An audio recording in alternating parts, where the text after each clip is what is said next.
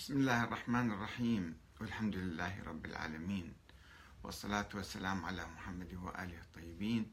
ثم السلام عليكم أيها الأخوة الكرام ورحمة الله وبركاته. بمناسبة وفاة الإمام موسى بن جعفر عليه السلام وزيارة الملايين من الشيعة إلى قبر هذا الإمام في الكاظمية و ربما آه، تخلل هذه الزيارة بعض الأمور آه، التي يعني فيها جدل أو فيها خلاف. طبعا زيارة الإمام موسى بن جعفر باعتباره إماما زاهدا عابدا عالما من علماء أهل البيت. وأيضا تعرض إلى الظلم وتعرض إلى السجن السياسي بغير حق. هارون الرشيد استمع إلى وشاية من ابن أخيه ابن أخي موسى بن جعفر محمد بن إسماعيل بأن دخل على هارون الرشيد ولم يسلم عليه بأمرة المؤمنين. فسأله لماذا لم تسلم علي بأمرة المؤمنين؟ قال له لا أعرف أنت أمير المؤمنين أم موسى بن جعفر في المدينة تجبى له الأخماس والأموال. فأعتقله هارون الرشيد أكثر من 27 سنة كان في المعتقل ولم يحاكمه ولم تثبت التهمة عليه كعادة الطغاة والمستبدين في التاريخ وفي هذا العالم اليوم الذين يعتقلون الناس وقد يقتلونهم بمجرد الشبهات أو الظنون أو المخاوف حتى غير مبررة. طبعا النظام العباسي ونظام هارون الرشيد. لم يكن إسلاميا ولم يكن آه، قائما على الشورى وعلى الانتخاب إنما بالوراثة هارون الرشيد آه، أخذ الخلافة من أخيه الهادي والهادي أخذها من أبيه المهدي والمهدي المهدي العباسي طبعا والمهدي من المنصور. والخلافة قامت على القوة والسيف وكان العلويون بصورة عامة. ومحمد ابن ابن عبد الله ذي النفس الزكية آه، وأبناؤه آخرون أيضا رفضوا الإقرار والاعتراف بهذه الخلافة. وكانت تحدث ثورات في عهد المنصور وعهد كل خليفة تقريبا. وكان هناك آه، اضطراب يعني أمني وسياسي لأن السلطة كانت قائمة على القوة والظلم وبالتالي تستدعي الثورة على آه، هذه الأنظمة. والإمام موسى بن جعفر لم يعلن أو لم يعرف عنه أنه يدعم الثورات. آه، بالعكس هناك بعض الأحاديث وقد عرضناها سابقا أنه بعض العلويين آه، قاموا بالثورة وطلبوا منه أن يلتحق بهم وهو رفض يعني الدخول معهم. ومع ذلك فإن مجرد التهمة آه، أدت به إلى السجن.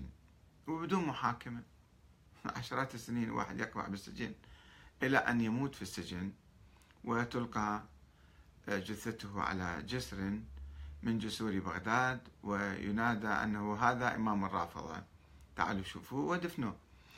آه، طبعا فريق كما تعرفون فريق من شيعته أو عامة شيعته بالحقيقة رفضوا ذلك رفضوا أنه مات.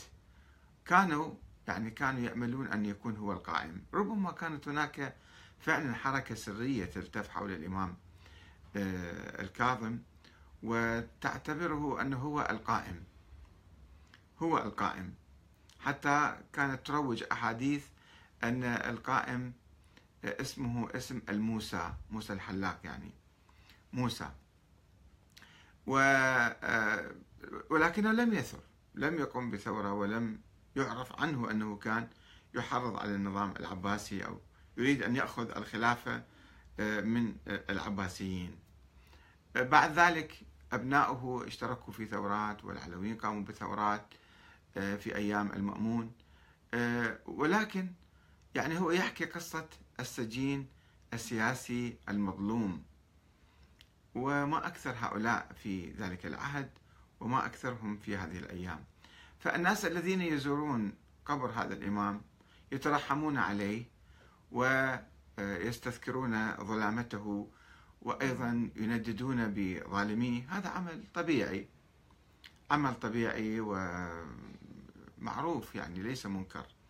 ولكن بعض الناس يذهب إلى زيارة هذا الإمام أو زيارة أئمة آخرين آه، ويدعوهم بما يدعو الله تعالى أو آه، يطلب منهم الشفاء لبعض الأمراض مثلا أو قضاء الحوائج إذا عنده مشكلة وهذه حالة موجودة في الشعوب يعني الفقيرة والجاهلة والأمية التي لا تجد مستشفى تداوي بها مرضاها ولا تجد أحد يحل مشاكلها لا حكومة مسؤولة ولا جهة هي تصدى إلى قضاء الحوائج فيلجؤون إلى ماذا؟ يلجؤون إلى الأموات وإلى الأولياء والصالحين وليس فقط الشيعة إنما عامة المسلمين. في كل مكان هذه الحالة موجودة وهي حالة مؤسفة حقيقة وتستدعي الوقوف عندها. لذلك نحن نطرح هذا السؤال بغض النظر عن كل فضل هذا الإمام وإذا كان قائم بثورة فنعظمه أكثر. إذا كان يعد لثورة على الخليفة العباسي هارون الرشيد فنحن لا نعترض على ذلك بل يعني يسرنا ذلك لأن النظام كان ظالم وكان طاغية. مثلا قتل وزراءه البرامكة مرة واحدة ولم يوجه لهم تهمة هذا هارون الرشيد لاحظوا قد كان طاغي وكان مجرم حقيقة. يعني قتلهم ونهب أموالهم ونكبهم حتى سميت نكبة البراكمة. البرامكة عفوا. يعني هذه المأساة. ما حد يتوقف عندها. هارون الرشيد كان يخاطب السحاب أنه آه، وين ما راح تمطرين راح يأتيني خراجك. مملكته أو دولته كانت واسعة. ولكن ماذا عن العدل؟ طيب أنت وزيرك شكيت به قدم المحاكمة. وقول التهمة مالته. لا أحد حتى الآن يعرف. لو هو لم يصرح ولا أحد حتى الآن يعرف لماذا قام هارون الرشيد بقتل وزرائه والطبقة اللي كانت قريبة من عنده. وصادر أموالهم. لماذا؟ هناك ظنون وشبهات. يعني هذا مثال على ظلم هارون الرشيد حقيقة.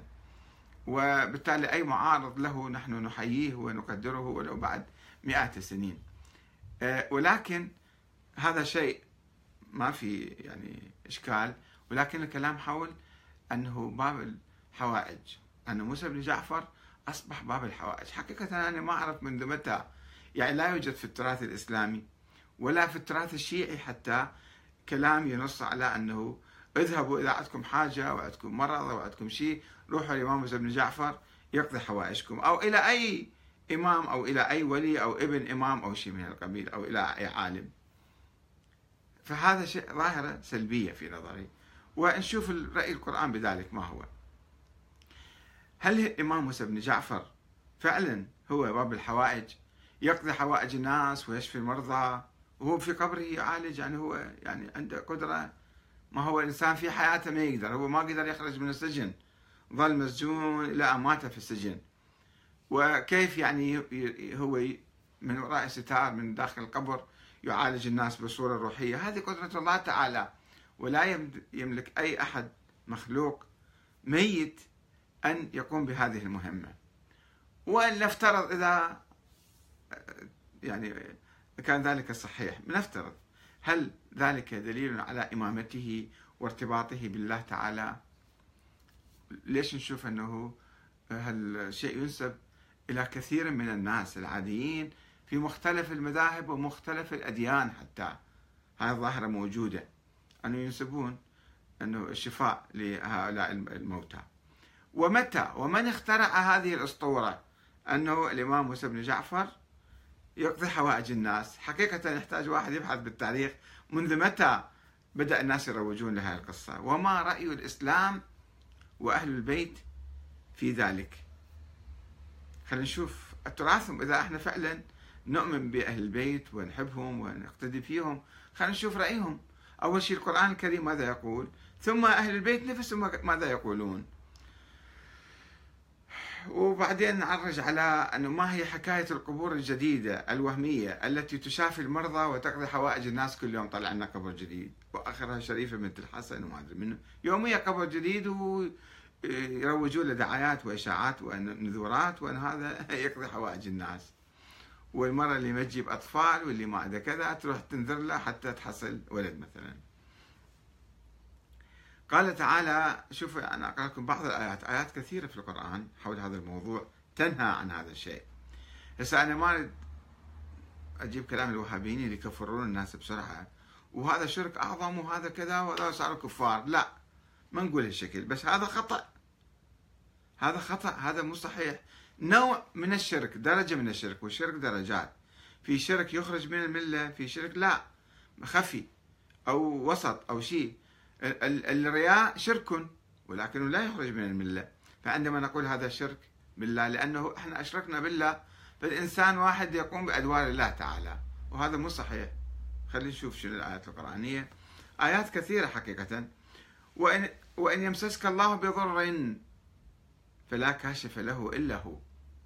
وإن يمسسك وإن يمسسك بخير فهو على كل شيء آه، قدير. هاي الآية طبعا تتكرر في آيات أخرى في سورة هود أعتقد نفس الآية موجودة. آه، وقال تعالى إنما أشكو بثي وحزني إلى الله وأعلم من الله ما لا تعلمون في سورة يوسف. وذنون أذهب مغاضبا فظن أن لن نقدر عليه فنادى في الظلمات أن لا إله إلا أنت سبحانك إني كنت من الظالمين. فاستجبنا له ونجيناه من الغم وكذلك ننجي المؤمنين. وزكريا وقال تعالى إن الذين تدعون من دون الله عباد أمثالكم. عباد أمثالكم. فإن فادعوهم فليستجيبوا لكم إن كنتم صادقين ما يستجيبون. وقال تعالى أيضا آه، قل, لا أملك لنفسي نفعا ولا ضرا إلا ما شاء الله. ولو كنت أعلم الغيب لاستكثرت من الخير وما مسني السوء إن أنا إلا نذير وبشير لقوم يؤمنون. فشوفوا هذا النبي يقول هالكلام. وإن يمسسك الله بضر فلا كاشف له إلا هو وإن يردك بخير فلا راد لفضله في سورة يونس هذه. آه، آيات كثيرة حقيقة يعني آه، تطلب من الناس أن يدعوا الله وأن يستغيثوا به وأن يطلبوا منه الفرج والعون وحل المشاكل. ما ما يجون يروحوا إلى هذا شيء مو موجود بالإسلام حقيقة. إن والذين تدعون من دونه ما يملكون من قطمير. قطمير هاي النقطة اللي في نص نواة التمر. إن تدعوهم لا يسمعوا دعاءكم ولو سمعوا دعاء ما استجابوا لكم. يوم ويوم القيامة يكفرون بشرككم ولا ينبئك مثل خبير. أن نعتبر شرك هذا دعاء الأموات. آه نعم. نجي على الأئمة. نشوف الإمام أمير المؤمنين في وصيته لابنه الحسن. اعلم أن الذي بيده خزائن السماوات والأرض قد أذن لك في الدعاء وتكفل لك في الإجابة وأمرك أن تسأله ليعطيك وتسترحمه ليرحمك. ولم يجعل بينك وبينه من يحجبه من من يحجبه. من يحجبه عنك ولم يلجئك إلى من يشفع لك إليه. الله ما يحتاج شفيع ولا يحتاج واحد واسطة. عندك شيء اطلب من الله. الله سبحانه وتعالى يستجيب لك. طبعا من مصلحتك يستجيب لك. أيضا هذا في نهج البلاغة جزء 3 صفحة 37 ف... ف... وأيضا عندنا فاسألوا الله به وتوجهوا إليه أمير المؤمنين يقول. ولا تسألوا به خلقه أنه ما توجه العباد إلى الله تعالى بمثله. وقال الإمام جعفر الصادق والله ما معنا من الله براءة ولا بيننا وبين الله قرابة ولا لنا على الله حجة ولا نتقرب إلى الله إلا بالطاعة. وقال أيضا لا تتبعونا بالشفاعة وقال ما أنا إلا عبد مملوك لا أقدر على نفع شيء ولا ضر شيء. هذا حتى النبي يقول ذلك.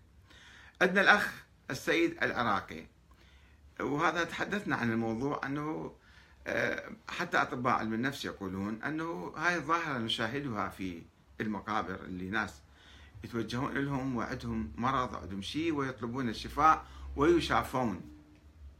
هاي الظاهرة موجودة موجودة في علم النفس أنه هذا أثر نفسي المريض اللي يعتقد أن هذا راح يطيبه حتى لو توجه إلى حجر.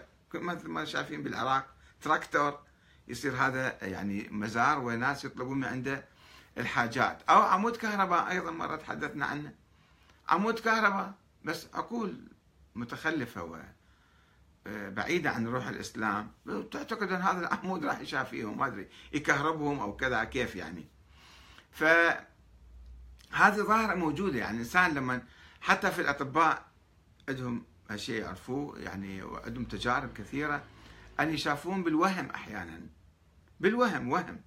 ويوهمون المريض أنه هذا دواء أو هذا شيء فالمريض يطيب.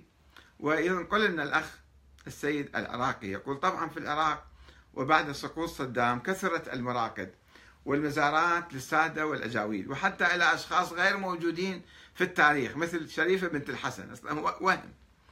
التي صارت أكبر خط أحمر في العراق العظيم. كلما ناقشت شخص عن بدعة هذه المقامات يقول لك إذا كيف تشافي المرضى؟ يعني دليل على وجودها ودليل على آه، قيامها بهذه الأدوار. طبعا المرضى يشافون بسبب تأثير الدواء الوهمي. يتلخص هذا التأثير بالتجربة الآتية التي أجراها عدد من الأطباء حيث أحضر عدد من أحضر عدد من المرضى المصابين بنفس المرض وبنفس الدرجة وقسموا إلى مجموعتين. المجموعة الأولى أعطيت دواء حقيقيا أما المجموعة الثانية فأعطيت دواء وهميا ولكن بدون علم هؤلاء المرضى. لاحظ الأطباء أن كلا المجموعتين تتشافى بنفس الدرجة. مع العلم أن المجموعة الثانية تتناول دواء وهميا. ملخص ما ذلك عندما يعتقد الإنسان أن هذا الشيء المعين يشافيه من مرضه فإنه يتشافى فعلا تحت تأثير العامل النفسي. فالمريض يشفى ليس ببركة هذا السيد أو الإمام أو أيا كان بل بسبب العامل النفسي للمريض علما أن هذه الظاهرة موجودة في كل الأديان والمذاهب وليست حكرا على الشيعة. فكل دين وكل مذهب لديه باب الحوائج وباب المراد. فماذا نفعل نحن مع هذه الحالة؟ يعني المفروض أنه الناس فعلا يتوجهوا إلى الله ويحلوا مشاكلهم. يحلوا مشاكلهم بصورة علمية. ما نعتمد كله على المقابر وعلى باب الحوائج يعني. فهذه الظاهرة يعني طبعا صار فيها نقاش وبعض الأخوة انفعلوا ليش إحنا نطرح الموضوع ليش نقول أسطورة ليش كذا. آه، و يعني البعض صار أيضا يؤيد هذا الموقف أنه يعني خلينا نرتقي إلى مستوى أن نستلهم من هذا الإمام معاني الخير ومعاني المقاومة والصمود. ربما كان أيضا آه، يفاوض أو يساوم الإمام في السجن ولكنه كان يرفض الاستسلام أو يرفض آه، الخضوع للخليفة هارون الرشيد. آه، الأخت مريم الحسني تقول أنه لماذا؟ أنه جيب لنا بعض نصوص وأنا خل أشوف نصها كلامها.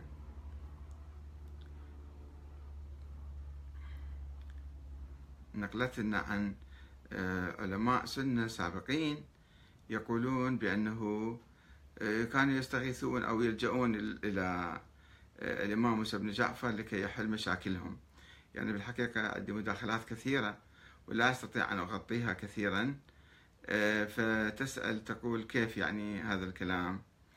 إذا هذول العلماء السنة هكذا يقولون فلماذا أنت تستكثر أو تنكر هذا الشيء بالنسبة للإمام للإمام الكاظم؟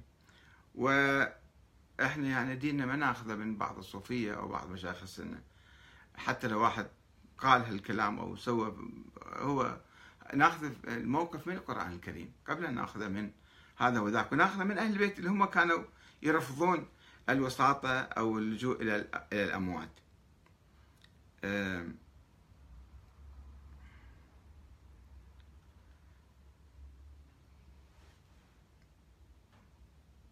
نعم. آه، يعني بعض الأخوة طبعا آه، صار الجدال بيناتهم. الأخ أحسان الخزرجي والشيخ محمد عبد العباس الكربلائي هذا قام يسب ويلعن وكذا وما يعني جوابه أو مناقشته مع الأسف ما أدري هو شيخ وين دارس وشنو دارس وش قد دارس. آه، بس انه ما كان يليق به أنه ينزل إلى هالمستوى من اللعن والسب والشتم. يعني إحنا نطرح الأمور للحوار وإذا واحد عنده رأي آخر هم آه، ننقله والقراء يقدرون يشوفوه على على صفحته. آه، ولكن يعني ما عنده جواب. يضطر أنه يلجأ إلى هالأساليب. يقول وهل من العقل أن تتجاوز على امامي نور الله في ظلمات الأرض موسى بن جعفر؟ باسم الديمقراطية أنت والكاتب يخاطب حسان الخزرجي. وتريد أن أقف ساكت؟ طيب إحنا ما ما قلنا لك شيء. تكلم بين كلامك. ليش تنفعل؟ ليش هذا؟ إحنا قلنا له خذ راحتك.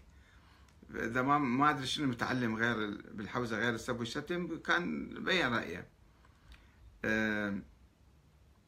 الدكتور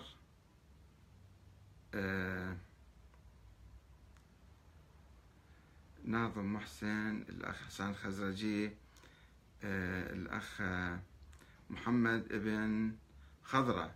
يقول علمنا الإمام الكاظم كيفية مقاطعة حكومات الجور. أعطانا دروسا في السياسة وفي الاقتصاد. علمنا كيف أن تكون المؤسسة الشيعية مستقلة عن الأنظمة الوضعية. علمنا الكثير. الطامة الكبرى أن الناس البسطاء باتوا في وسائل التواصل الاجتماعي وبالتالي هم في مرمى نيرانك وأفكارك المسمومة. طيب إحنا ما قلنا شيء. قلنا الإمام عظيم ومظلوم ويعني زاهد عابد كل هذا صحيح. ما بس قلنا العادة الناس اللي يروحون يعتقدوا هو هذا باب الحوائج. هذا هاي فكرة خاطئة. أه الشمري عامر حيدر يقول مكوثه في سجن الظالمين وعدم مهادنته ومبايعة طاغية زمانه تلك ولعمري أفضل من مئات الكتب. يجاوب على سلمان البدر يقول ما هي كتب الإمام موسى بن جعفر أو آراؤه؟ آه المهم يعني المداخلات كثيرة في الحقيقة آه عبد الله صابر هنا أيضا يؤكد نفس المعنى يقول النبي صلى الله عليه وآله وسلم في حياته كان يقول لا أملك نفسي ضرا ولا نفع إلا ما شاء الله ويريدونك أن تعتقد أنه يملك نفسي ولغيره ضرا ونفعا في حياته وبعد مماته هو وغيره. يا له من التزام بالنص. النبي نفسه مات مريضا ولم يعالج نفسه. العديد من أئمة البيت عليهم السلام قضوا مسمومين يتلوون من آلام السم ولم يقدروا على فعل شيء. ومن قبلهم جدهم علي عليه السلام لو كان يمكنه إبراء أحد لأبرأ نفسه من الضربة القاتلة المسمومة والتي حولوا علاجها ولا حاولوا علاجها ولم يستطيعوا ولا حول ولا قوة إلا بالله. الدكتور حيدر المحسن يقول للأسف يا أحمد الكاتب وأنا أشك أنك كاتب بل مخرف مريض منحرف. في أساطيرك التي تكتبها فتحت المجال للزنادقة والمنحرفين وأصحاب سوء الخلق والعقيدة أن يتجاسروا على أئمة الهدى. وآل بيت رسول الله. وحفظة الدين. آه، لربما ما كتبته ما كتبته بحق يزعجك ولكن اقرأ التعليقات وأنت تعرف مدى سوء عملك. الله يهديك فإن عاقبتك سوء. طبعا الأخوة آه، قاموا يجاوبوا بدل عني يعني أنه يعني تفضل يعني إذا واحد علق أنا شو خصني فيه؟ مو مسؤول عن التعليقات. آه،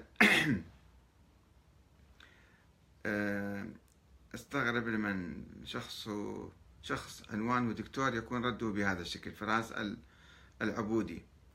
آه، وأيضا يقول آه، نوري السراح أيضا يلجأ إلى هذا الأسلوب يعني يبدو استفزه بعض الأخوان.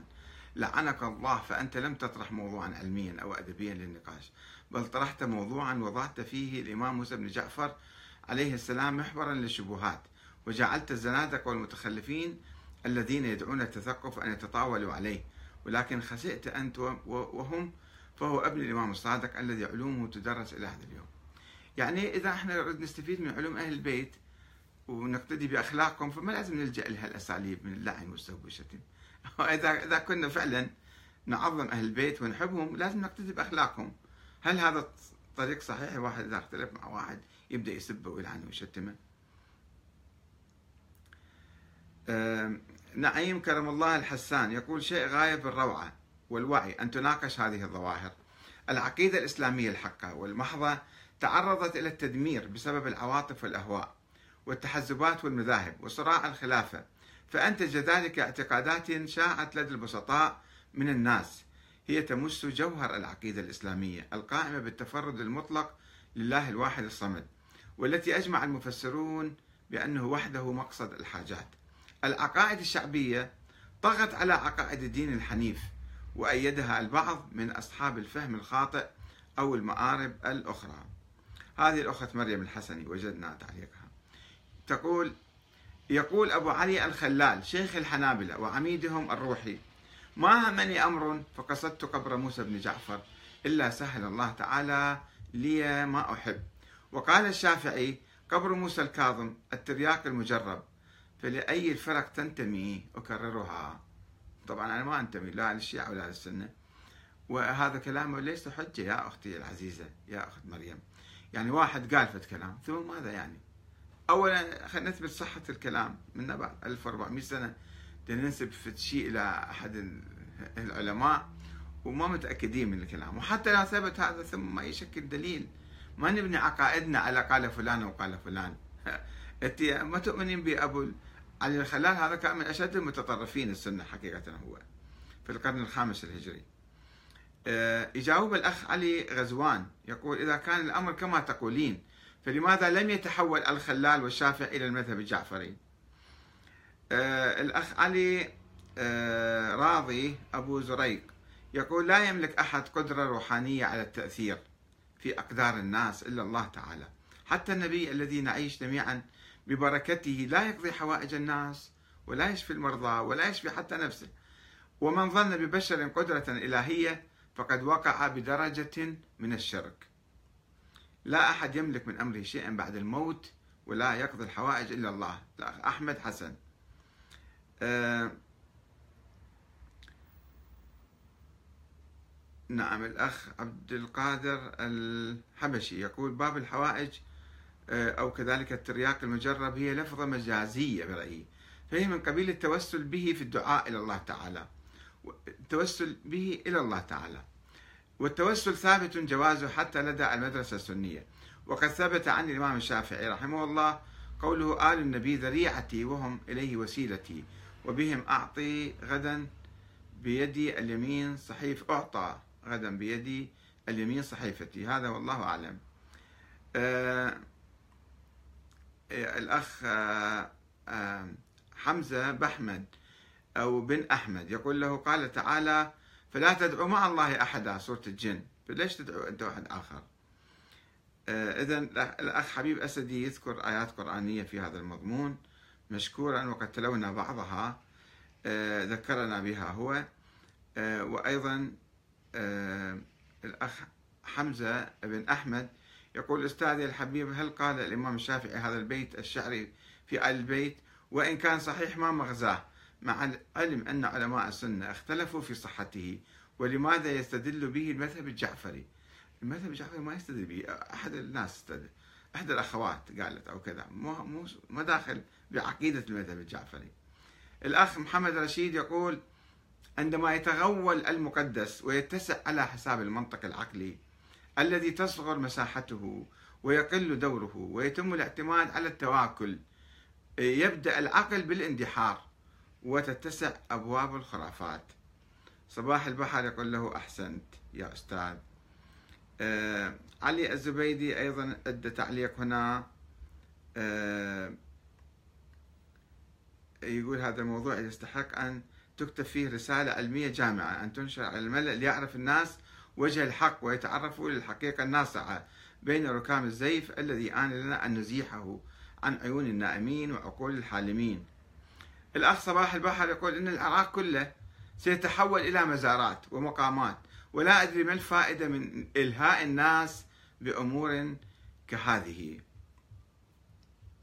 وبعض المنامات بالأحلام يشوفوها. واحد بالحلم يشوف في قبر معين أن هذا القبر ينتمي إلى مثلا بنت الإمام الفلاني ابن الإمام الفلاني ويجي يبث الإشاعات ويتاجر بالقضية حقيقة.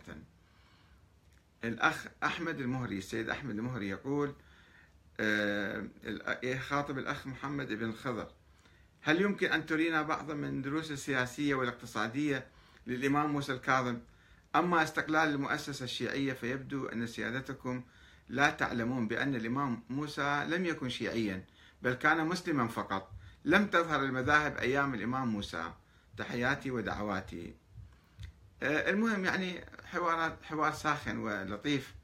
ويا ليتنا نواصل هذا الحوار حتى نصل لنتيجة تفيد الناس ونقدم البديل المهم الحكومة هي مسؤولة عن توفير المستشفيات والمدارس وحل المشاكل الاقتصادية. هذه هذه مهمات ومسؤوليات أي حكومة في العالم.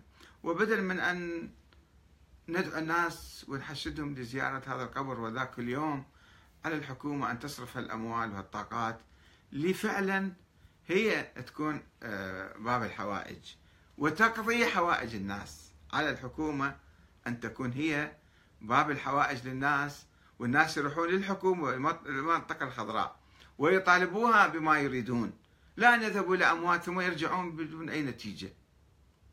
يعني هالملايين يروحون يزورون. كلهم راح تقضى حوائجهم؟ بالتأكيد لا. إيه، طيب عندكم حوائج مشاكل اقتصادية تعبير طرقات مسائل اجتماعية؟ حلوها بصورة علمية بصورة مسؤولة. الحكومة يجب أن تقوم هذا الدور ويجب أن نطرق باب رئيس الحكومة حتى يحل مشاكلنا بدلا من أن نذهب إلى هذا القبر أو ذاك كل يوم. والسلام عليكم ورحمة الله وبركاته.